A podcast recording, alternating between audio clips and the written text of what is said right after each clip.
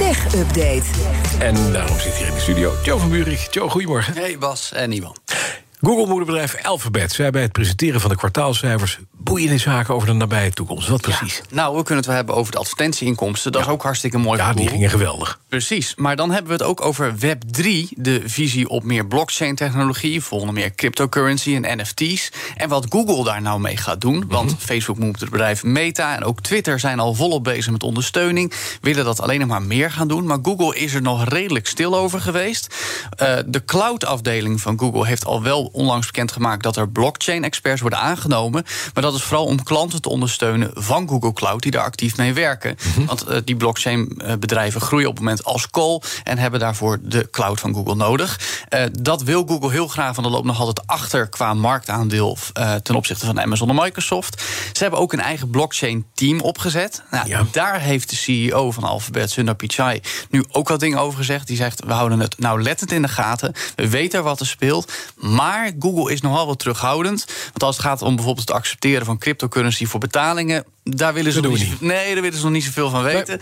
Eh, verder viel heel erg op dat Pichai eh, het heeft gehad over de toepassingen die ze ontwikkelen in augmented reality. Maar dan gaat het toch vooral om Google Maps en YouTube, bestaande platforms waar ze daar meer mee willen gaan doen. En opvallend, hij heeft het niet gehad over apparaten zoals een nieuwe slimme bril. Mhm. Ja, precies, zo'n nieuwe Van- Google Glass. Precies. Ja. Ja. Voorlopig lijkt hij dus nog even niet te komen. Maar je weet nooit waar ze opeens toch mee aankomen. Ja, exact. De, de Google Hoge Hoed, waar die uitgetoverd gaat worden. Ja, uit de hoge hoed. Dat, precies. Vandaag komt die andere techreus met een bekendere merknaam dan het moederbedrijf met cijfers. Eh, Facebook. Oh nee, eh, Meta. Meta, ja, vanwege dat metaverse. Metaverse. Dat zo mooi Ja. zeggen. Nou, dat wordt inderdaad interessant, want de focus bij die toelichting gaat komen op Reality Labs. Dat is eigenlijk ja, de andere helft van het moederbedrijf. De ene helft is nog steeds de social media afdeling. De andere helft werkt aan virtual reality en augmented reality. En dan vooral de hardware.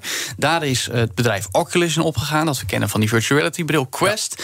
Daar wordt ook het meeste in geïnvesteerd door Meta nu. Met visie gericht op dat metaverse, die samenhang van virtuele werelden. Maar daar gaan we dus ook horen hoe winstgevend of winstlatend die hele afdeling nu is. Het teert allemaal nogal op de advertentietak. Dus de inkomsten die via Facebook en ook Instagram binnenkomen. Eh, maar ja, daar zijn weer de gevolgen van de aanpassingen die Apple vorig jaar deed.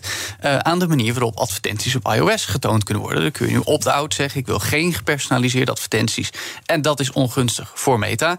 Ondertussen ook nog een onderzoek van de FTC. Twee zelfs. Want sinds kort eentje naar eh, de ehm, mededinging in het ontwikkelen van VR-toepassingen. En of externe partijen, dus die nog niet overgenomen zijn door Meta en die benadeeld zouden worden. Ja. En of die Quest-bril niet veel te goedkoop verkocht wordt. Want het is maar een paar honderd euro. Hartstikke leuk ding. Je hebt hem ook wel eens op je hoofd Ja. gehad.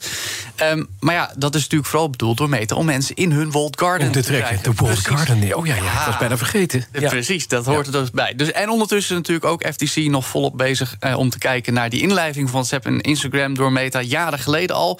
Maar de vraag of dat niet opgebroken moet worden. Dus dat hangt allemaal boven het hoofd. En dan Electronic Arts. Ja, Gamegigant EA, daar gaat het niet goed.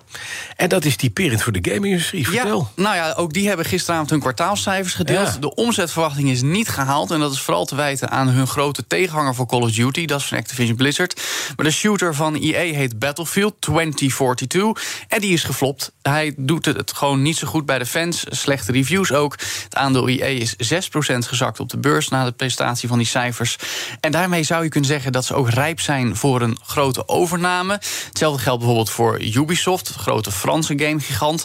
En videogame-orakel Jeff Keighley heeft al op Twitter laten weten dat volgens hem meerdere bronnen tegen hem melden dat er nog grote overnames aankomen. Daar hebben we het afgelopen dagen en weken al veel over gehad. Maandag nog van Sony PlayStation, eh, gameontwikkelaar Bungie, die daar nu eh, is bijgetrokken. En natuurlijk de afgelopen maand zowel Take-Two dat Zynga kocht en die giga-overname van Microsoft, Activision Blizzard.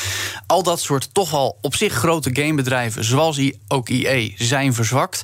En door de financiële staat van de wereld zijn eh, ja, overnames door de echte reuzen, zoals Microsoft, zoals Sony PlayStation, nu ja, aan de orde Precies, van de dag. niets Dus van de lucht. Ja, precies, die gaan waar. de komende weken nog volgen. Heel veel meer. Dankjewel. Dus, en de IE moet er ook zorgen maken. Ja, die gaan daar Zo. ergens bij getrokken worden. De vraag is alleen waar gaan ze naartoe? Bij wie? Gaan- Ja, bij PlayStation, bij Microsoft Ja, of misschien bij bij Amazon. Ja, je gaat het zien. Nou, wacht, eh, hou ons op de hoogte. Zeker. Jo van Buurik. Tech Update wordt mede mogelijk gemaakt door de NVIDIA-expertise van Lenklen.nl.